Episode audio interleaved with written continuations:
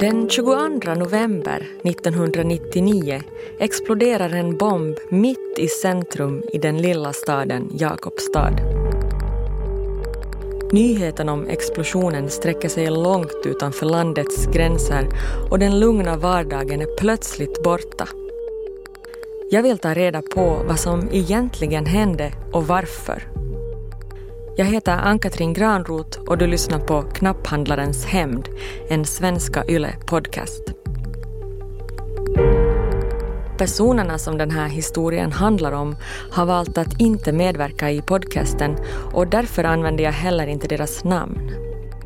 Jag kommer istället att använda namnen Familjeföretaget och Knapphandlaren.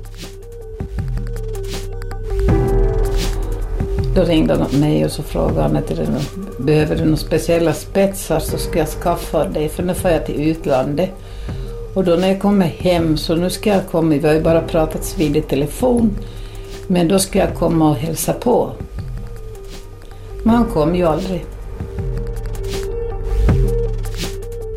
Meningen var förstås det att ingen vet, alla tror att han är utomlands och ingen vet att han har varit en viss tid i Jakobstad. Jag hade en deep throat inom polisen den tiden så jag ringde och så sa jag så här, jag kommer ihåg precis vad jag sa, jag sa nu säger jag ett namn. Och du behöver inte säga ja eller nej, men om du är tyst så vet jag att jag har rätt namn.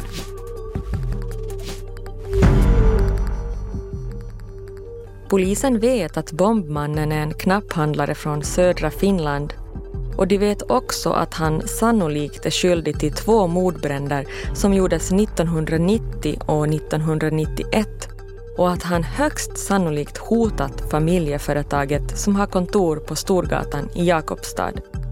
Och att det också var dit han var på väg med bomben. Kriminalkommissarierna Esa Uusikakkuri och Jari Neulaniemi på Centralkriminalpolisen är två av de poliser som jobbar med fallet. Esa Uusikakkuri utredde också bränderna och hoten som alltså kom i form av hotbrev i början av 90-talet, så han är väl insatt i fallet. Medierna försöker också bli lika insatta.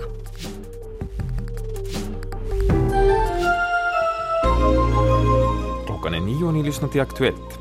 Offrets identitet efter explosionen i Jakobstad har nu fastställts. Trots att man nu vet vem eh, man har att göra med vill polisen ännu inte avslöja hans identitet. Kriminalkommissarie Raimo Latvala. vi har nog här så är det ett namn och, och vi är nog ganska säkra att, att det är det. Men det här namnet vill ni ännu inte ge ut? Nej, tyvärr så är det nog anhöriga som måste få höra först och, och närmaste släktingarna sen. Så. Stämmer de här uppgifterna om att det är en ungefär 60-årig man? Ja. Och varifrån kommer han? Från södra Finland. Hur är det då med eh, motivet? Har ni några uppgifter om, om varför han har... Inte ännu. Kan det ha varit ett självmord det här? Ett planerat självmord? Det är omöjligt att svara i det här skedet. Den här eh, explosionen då, är det så nu att man kan säga att det var en bomb som exploderade? En bomb eller, eller någon sprängämne som detonerade var nog en skillnad. När kommer ni att eh, berätta identiteten på den här gärningsmannen? Ja, vi måste först vänta vad anhöriga säger. Så Raimo Latvala vid Centralkriminalen i Vasa. Tre dagar efter explosionen vet invånarna i Jakobstad fortfarande inte varför bomben exploderat. Många är rädda men journalisten Denise Lindell ska efter ett effektivt detektivarbete få reda på mannens identitet.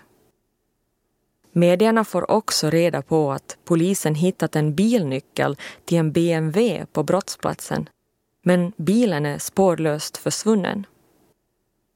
Det ska senare visa sig att den står parkerad långt borta från Jakobstad som en del av en väl genomtänkt plan för det perfekta alibit.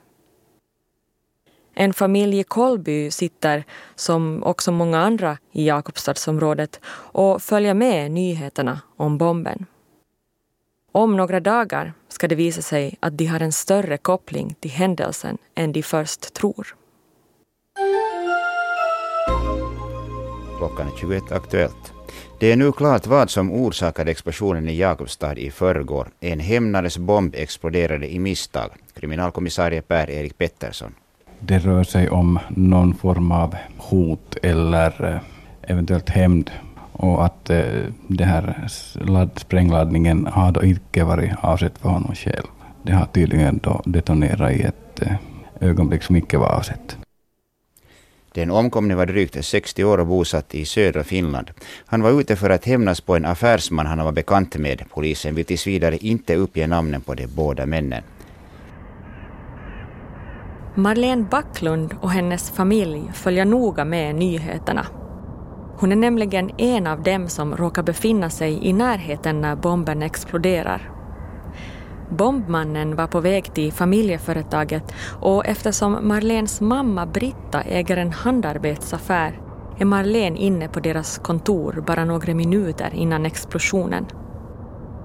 Hon känner bra till familjeföretaget eftersom hon själv jobbade där som försäljare på 80-talet. Och när familjeföretaget utsattes för hoten år 90 och 91 var Marlene en av dem som polisen pratade med när de försökte hitta gärningsmannen. Då gick polisen igenom alla som kunde tänkas ha något otalt med familjen och familjeföretagets grundare nämner Marlene i ett förhör så kanske är det därför som polisen letar upp henne. Nio år senare, samma dag som bomben exploderar, kommer Marlene till Jakobstad tillsammans med sin pappa Jörgen och sina två barn. Hon lämnar barnen med Jörgen innan hon går in till familjeföretaget eftersom han ska gå till en optiker som ligger på samma gata. När Marlene är klar går hon också dit. Bara någon minut efter att hon kommit in genom dörren så smäller det. min första tanke var nog att, att nu, nu dog jag. För det är liksom den här tryckvågen när den far genom kroppen och, och liksom glas splittras och, och allt liksom blir som så himla overkligt. Och så tänker man att, men, att var det så här att dö? Nästa tanke. Och sen så konstaterar jag att mina barn mår bra. Och eh, sen så börjar man då fundera att vad var det egentligen som hände? Och så är man så jävla glad att man lever. Att man fick en ny chans. För jag skulle kunna dö där. Marlens pappa hjälper två poliser med att få bort folk och stoppa av trafiken. En av dem är Mauri Nysele som egentligen är ledig idag men råkar befinna sig i närheten när det exploderar. Marlene är mycket chockad och vill snabbt därifrån så ägaren Kai Öström visar dem ut bakvägen. Vi får inte hem direkt utan vi får faktiskt till Prisma. Och när jag kom in till Prisma så mötte jag en karl som jag känner och så frågade jag om jag får låna telefon hans. Så sa jag, det går nog bra här. Och så ringde jag åt karln min och sa att vi har överlevt. Och han sa att jag var hen, så sa han om du hör att det har varit en bomb i Jakobstad så har vi överlevt. Det var nog första reaktionen och så säger mamma att jag ringde åt henne och det är min känt. Vi hör Britta Backlund, Marlens mamma. Hon var nog kärrad ska jag säga det. Hon bara skrek. Att du vet inte vad som har hänt. Det har, det har bombat i stan. Hon bara skrek. Att jag gick förbi bara någon minut och så smälte och så när hon kom in där och skulle sätta sig ner så då smälte och så, så dök hon dit med ungarna och tryckte ner på golvet. Eftersom Britta driver en handarbetsaffär ska det senare visa sig att hon är bekant med bombmannen.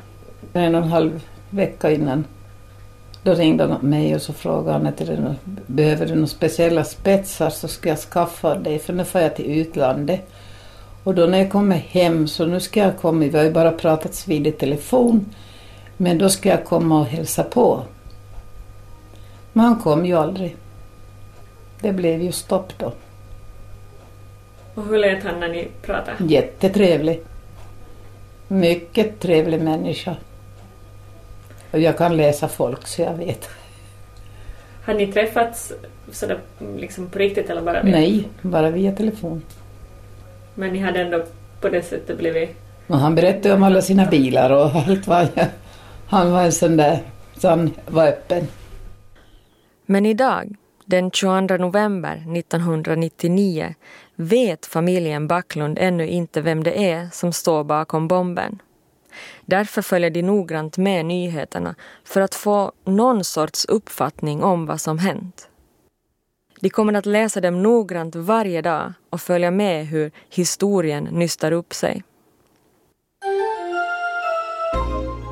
Ja, det har nu klarnat att explosionen i Jakobstad i förrgår inte var någon olycka, utan att det rör sig om ett brott. Polisen har nu också identifierat den man som dog i samband med den våldsamma explosionen. Den omkomne bar på en sprängladdning som var avsedd för någon annan, berättar spaningsledare Jari Neulaniemi från centralkriminalpolisen. Se oli siinä mielessä pommi, koska se räjähti. Visst kan man säga att det var en bomb eftersom den exploderade, men det tar ännu en tid innan vi vet vad det var för sprängämne. Så långt spaningsledaren Jari Neulaniemi. Ja, bilden börjar nu sakta men säkert klarna kring händelserna i Jakobstad i förrgår. Här finns ingen anknytning till någon organiserad brottslighet eller någon liga. Det trodde Per-Erik Pettersson vid Jakobstadspolisen. Kjell Lindros var reporter.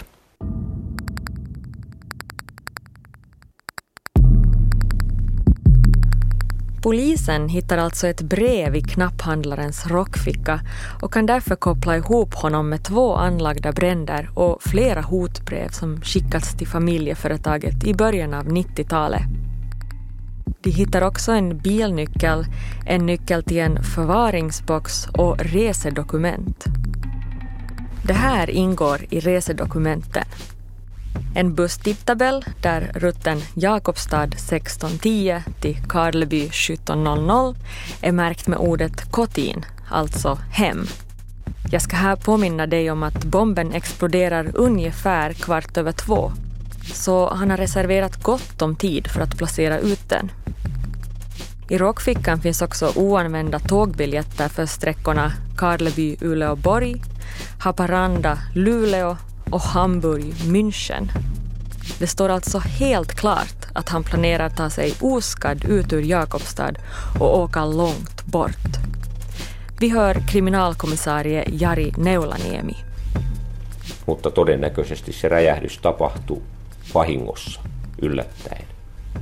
Ei sen pitänyt siinä räjähtää, eikä hän ollut todennäköisesti tarkoitus itseään surmata. Slutligen så vet vi inte vart han var på väg eftersom vi inte kunde fråga honom. Men explosionen inträffade i misstag. Och han hade nog inte tänkt begå självmord. Niin tämmöisenkin oletuksen voi tehdä, mutta ei se ole faktaa.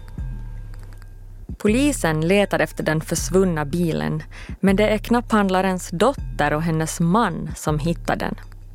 De vill inte medverka i programmet så det du nu får höra kommer från polisförhöret med mannen. Vi har översatt det från finska till svenska. Min fru och jag får hämta hans tillhörigheter och hans bil efter att vi hade fått lov från polisen förstås. Hans fru hade en känsla av att den kanske kunde finnas i Österrike så hon letade fram en massa gamla foton och hittade där ett där det fanns kontaktuppgifter till ett motell som han kanske hade bott på. Eftersom jag kan bättre tyska än frun så ringde jag det här motellet. Jag får reda på att han nog har bott där ganska ofta men just den här gången så hade det varit fullt så han hade bott på motellet mitt emot istället. Ägarna till de här båda motellen är tydligen syskon. Knapphandlaren har alltså inte kommit till Jakobstad direkt från sin hemstad. Han har gjort en lång och ganska komplicerad resa för att få fram det perfekta alibit. Med hjälp av bland annat resebiljetter och hans mobiltelefon kan polisen se var han rört sig och när. De följer honom från den 12 till den 22 november som är dagen för explosionen. Och vi ska nu gå igenom hans resa som alltså börjar 12 november 1999. Knapphandlaren meddelar sin familj att han ska åka iväg på en ungefär två veckor lång arbetsresa. Under tiden ska han också passa på att ta några dagars semester, kanske i Österrike.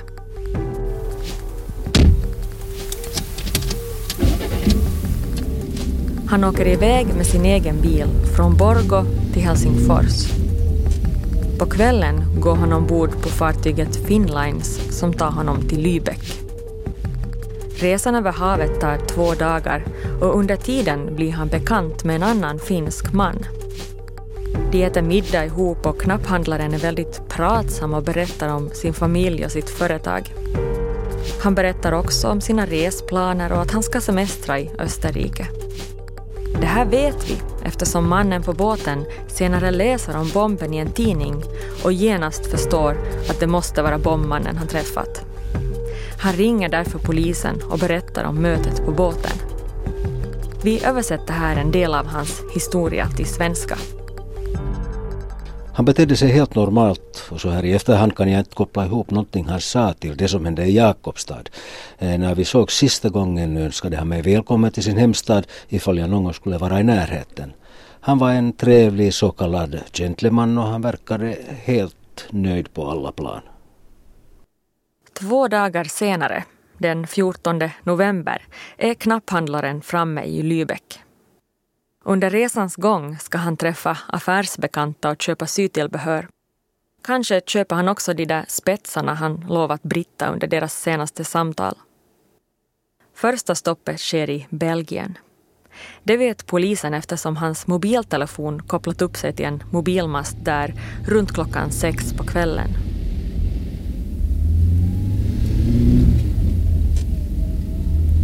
Den 15 november kör han till Tyskland. Den 16 november är han i Schweiz. Nästa dag, den 17 november, når han Österrike. Han anländer på kvällen runt klockan 20 till byn Goi som ligger i provinsen Tirol. Det här är en by han besökt många gånger förr.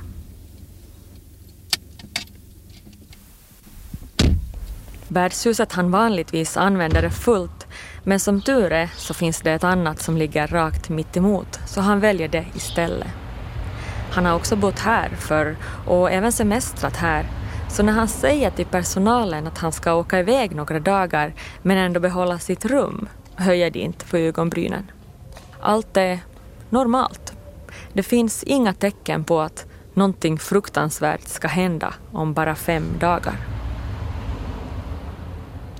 Den 18 november beställer knapphandlaren en taxi och lämnar bilen på värdshusets gård. Han lämnar också bagaget på sitt rum och påminner personalen om att han ska vara tillbaka om ungefär en vecka. Men här tar hans hittills helt normala arbetsresa en ny vändning.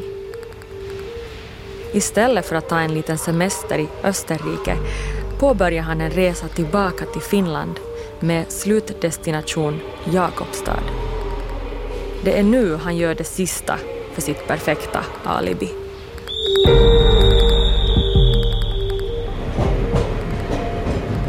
På kvällen stiger han på nattåget från München till Hamburg.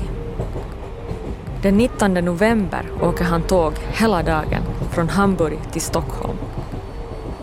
Den 20 november tar han nattåget från Stockholm till Haparanda. Men vi pausar här en stund. För det enda ord du hör är tåg.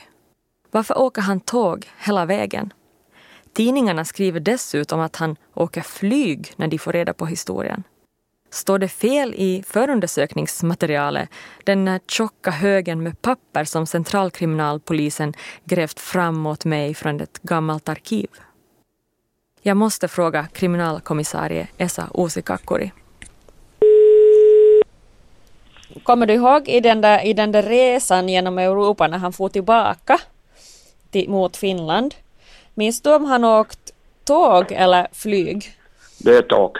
Och det är därför att det, det där, du får, behöver inte identifiera dig när du, du skaffar biljetterna och allt. Att, att då man, man går med flyg så, så det är det ganska noggrant med det att du lämnar personuppgifter. Men när du kommer med tåg så, så det där, det lämnas nog alls några spår till myndigheten. Tågresorna är ännu en del av en väluttänkt plan för att komma undan med bomben. Men jag undrar vad han tänker på när han sitter där i sin tågvagn. I närmare tre dygn reser han. Landskapen susar förbi och det finns väl inte så mycket annat att göra än att tänka. Det finns gott om tid att ändra sig och ångra allt. Men det gör han inte. Varför är han så fast besluten om att placera en bomb i sin konkurrents kontor? Är det här en fråga jag någonsin kommer att få svar på? Jag börjar tvivla, men för att ta reda på det måste vi fortsätta resan. Vi har kommit fram till eh, den 21 november. Efter nästan fyra dagars resande kommer knapphandlaren till slut fram till Finland. Han åker vidare till Kempele som ligger nära Uleåborg och övernattar på Motell Pohjankevari. Men när han frågar om rummet använder han inte sitt riktiga namn. Istället eh, checkar han in under namnet Kauko Sari. Jag får tag på Barbro Jonasen som jobbar på motellet samma kväll som han checkar in. På en väldigt svajig mobillinje frågar jag om hon minns något av mannen. Han satt i soffan eh, där vi har tvn och tittade på tv. Först gick han sätta sig in på sitt rum och sen kom han tillbaka då och satte sig i tv-soffan och eh, beställde mat. Och såg han visst en tror jag. Om jag kommer ihåg rätt. Barbro beskriver mannen som artig och ganska tyst. Absolut inte framfusig. Hon blir chockad när hon får reda på att det är han som är bombmannen i Jakobstad. Mm, det var ju ganska otäckt att, äh, att han har gått omkring med en bomb hos oss. Så hade man begripit då att det hade varit någonting på gång så hade man ju skaffat dit polisen så hade man ju fått och kolla på någonting. Men när vi inte förstod någonting så, så blev det ju inte så. Knapphandlaren har tidigare rört sig en hel del i Kempele under sina affärsresor i Finland. En av de anställda tycker han ser bekant ut på något vis men det tänker hon såklart inte på just då. Just då gör hon bara sitt jobb så som hon alltid gör. Hon serverar honom en öl samtidigt som han sitter och tittar på TV och allt är bara normalt.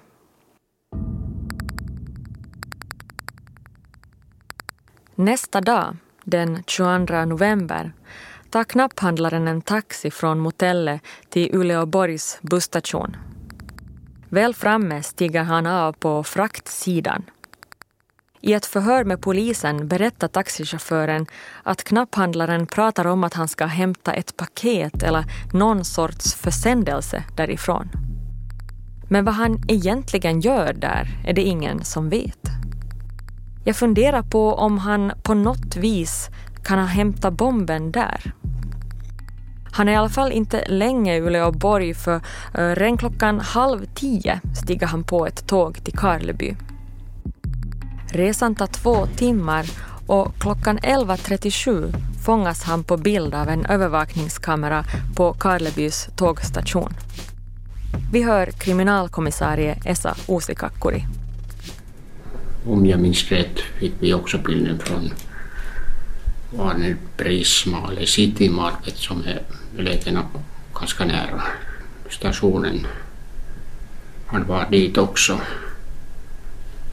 Jag minns rätt gick han till Alko och därefter kom tillbaka till tågstationen. Vid tågstationen byter han om och klär på sig en grå munkjacka han låser också in en del saker i en förvaringsbox. Jag vill minnas att vi hittade en flaska. Troligtvis den där alkoholflaska som han hade hämtat. Och då hade han lämnat flaskan dit.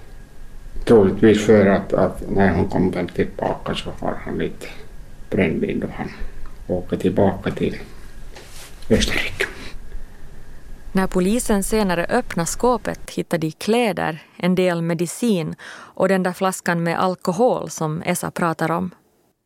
Men inget som skulle kunna koppla honom till bomben. I Karleby syns han också i en mataffär i närheten och där går han fram till en telefonkiosk och ringer sin familj som inte alls anar att något är fel. Han pratar både med sin dotter och sin fru och de misstänker ingenting. Han frågar till och med om någon sorts present han ska köpa under tiden han är i Österrike.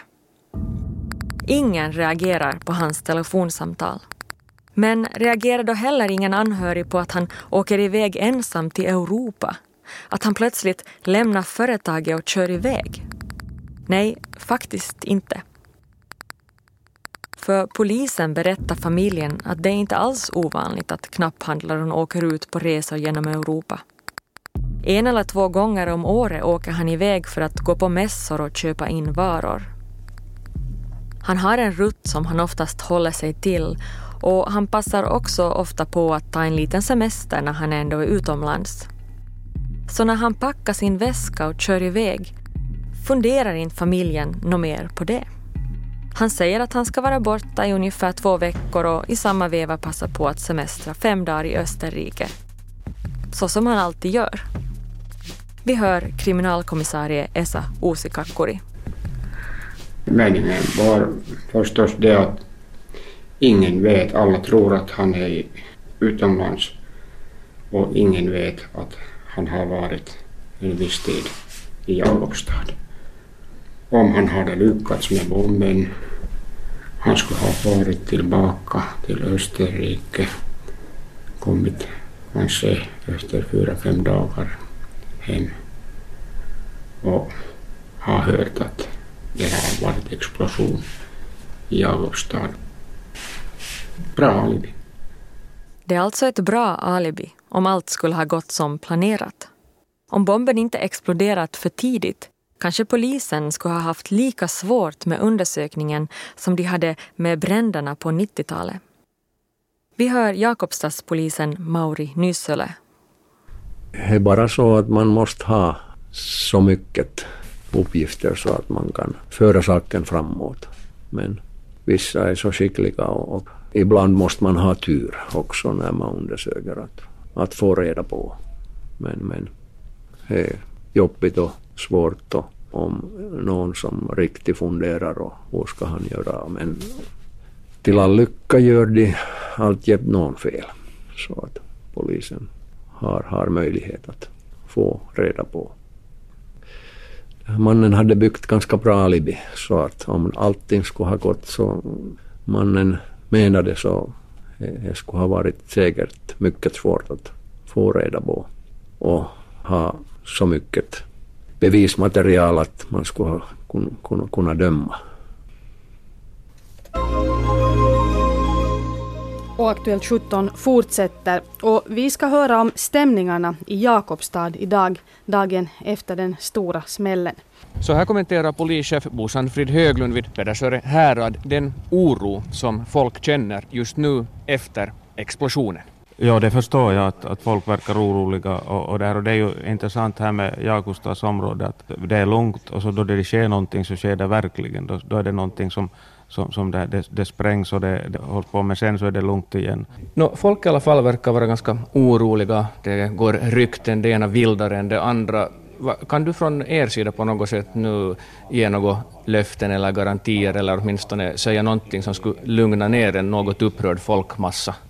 Jag kan ju inte ge några löften eller så, men att, men att jag, jag, trots det här så, så har jag nog ändå en viss tillförsikt då det gäller allmänna ordningen och säkerheten i det här området, därför att det här är ju, får vi hoppas, ett enskilt fall. Och det, det tyder inte på att det skulle finnas no, någonting som, som skulle göra att, att vi skulle behöva vara oroliga för framtiden och mer än på andra orter. Nu uppstår det ju i alla fall kanske just en sån här bild av att Jakobstad som en explosiv ort. Eh, Jakobstad är nog i allmänhet inte en explosiv ort utan, utan det är ju, vi har ju en låg brottsstatistik och vi har låga siffror då det gäller an, annan brottslighet och, och det här är ju då endera frågan om ett enskilt fall och, och, och sånt som statistiskt inträffar nu och då. Vi lämnar knapphandlaren en stund och koncentrerar oss på Jakobstadsborna. Hur mår de egentligen? Det har bildats en krisgrupp där man får tala ut om det som hänt. Många som varit i närheten av bomben har svårt att sova och rykten kring vad som egentligen hänt surrar runt i staden. För under tiden som polisen kartlägger knapphandlarens resväg tillbaka till Finland börjar folket i stan bli rastlösa. Det har nu gått tre dagar sedan bombdådet och polisen är förtegna. De får kritik för den knappa informationen som ges ut. No se on ihan tyypillistä. Ihmiset varmaan haluaa tietää, jotta mitä on tapahtunut, kuka on tehnyt ja miksi on tehnyt. Det är vanligt, säger kriminalkommissarie Jari Neulaniemi. Människor vill veta vad som hänt. Men när polisen kommer till platsen så vet de lika mycket som de andra. Det är kaos och de vet inget innan de undersökt saken. Och de kan inte heller berätta allt. När det kommer till identiteten så måste de vara helt säkra på den innan de kan säga något. Ja kaikkia asioita tietenkään heti ei myöskään tutkinnallisista syistä voi kertoa ja varmuutta. Jari tycker kritiken är obefogad och när tidningarna frågar varför de inte berättar något om fallet svarar han att polisen har ett lagstadgat etiskt ansvar då det gäller att skydda oskyldiga anhöriga. Men kritiken fortsätter. Vi hör journalisten Denise Lindell som då jobbade på Jakobstads tidning. Och jag minns att det kom mycket kritik på att nu vill vi veta vad det är. För att den här rädslan som jag pratade om som hände den där kvällen, eller eftermiddagen, den på något sätt eskalerade. Folk var jätterädda här i stan. Och bästa medicinen mot ovissheten var ju att få veta vad är det som verkligen har hänt. Att är det här någonting som kan drabba mig eller är det en, en isolerad händelse? Så jag tog kontakt med krisgruppens ledare och eh, de hade ju sett den här rädslan som fanns av folk som tog kontakt med dem. Så de krävde ju också att det här, polisen måste berätta vad är det som har hänt och, och varför har det hänt. På onsdag kväll, alltså två dagar efter explosionen, får journalisten Denise i uppdrag att gå vidare med bomben. En av hennes kollegor tror att bomben kan ha något att göra med familjeföretaget på Storgatan eftersom det verkar som om mannen med bomben varit på väg dit. År 1999, när det här utspelar sig, är det hård konkurrens mellan Jakobstads tidning och Vasabladet. Så Denise bestämmer sig för att ta reda på namnet på bombmannen eftersom ingen annan tidning lyckats med det. Och, då vi, och så sa vi att det måste ju vara något med det här knapphandlande, det här sybehörsbranschen. Så jag gick till mitt rum, ringde 118 och bad dem söka alltså knapphandlare i Nyland. Det får vara liksom dragkedj knapphandlare. Ska, så, så letade de fram flera olika namn åt mig där som, som var i den branschen. Och så började jag beta av dem. Och de som svarade så var ju inte dem. Och så var det en som inte jag fick tag på. Han hette jag fick inte tag på honom så jag ringde följande som var hans branschkollega. Jag sa att jag får inte tag på Jag sa nej, är det inte för han är i Mellaneuropa. Nå, då började jag ana att om man säger att man är i Mellaneuropa och jag får inte tag på honom så, så det här, så jag gick tillbaka och så sa jag att, att jag tror jag ringer polisen.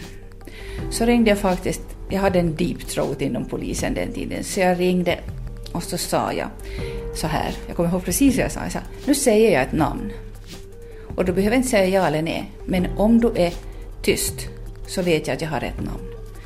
Jag sa, och det var tyst i luren. Och så sa han så här, ni hittar kanske kopplingar i era tidigare här artiklar om de här mordbränderna. Där. Så då hade ju det här namnet.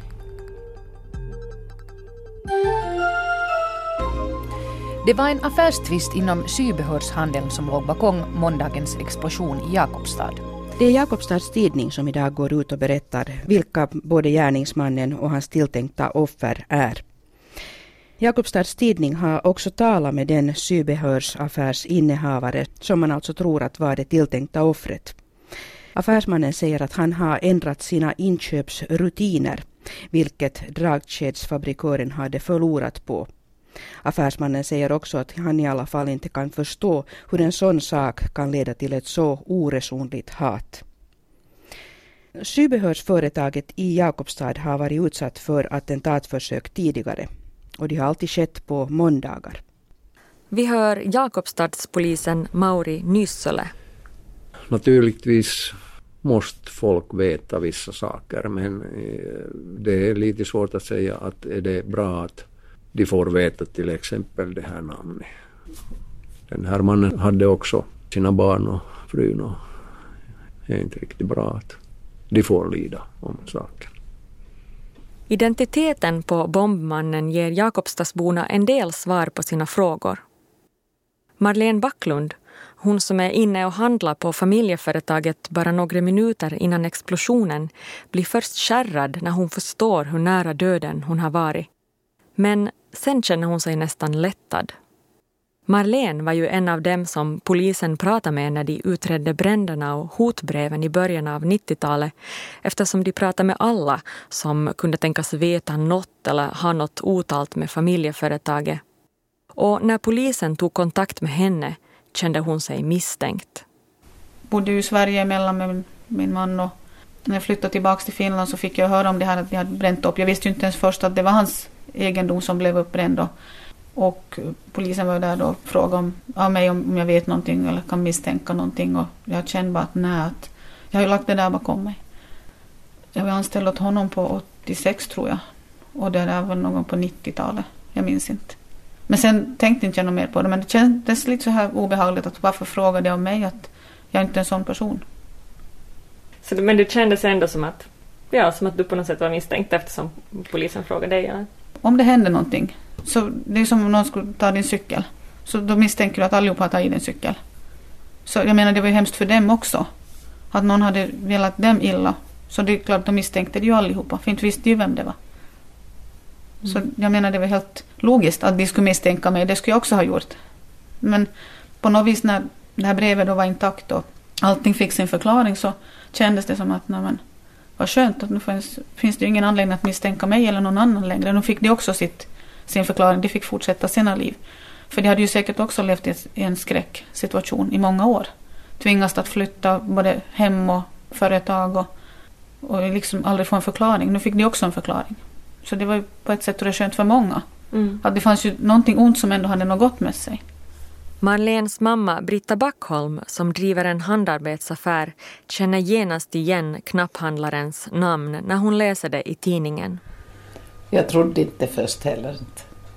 Man sa ju det när han ringde så sa han att nu får han då till utlandet och när han kommer därifrån då så ska han komma och visa upp deras sortiment och, och hälsa på.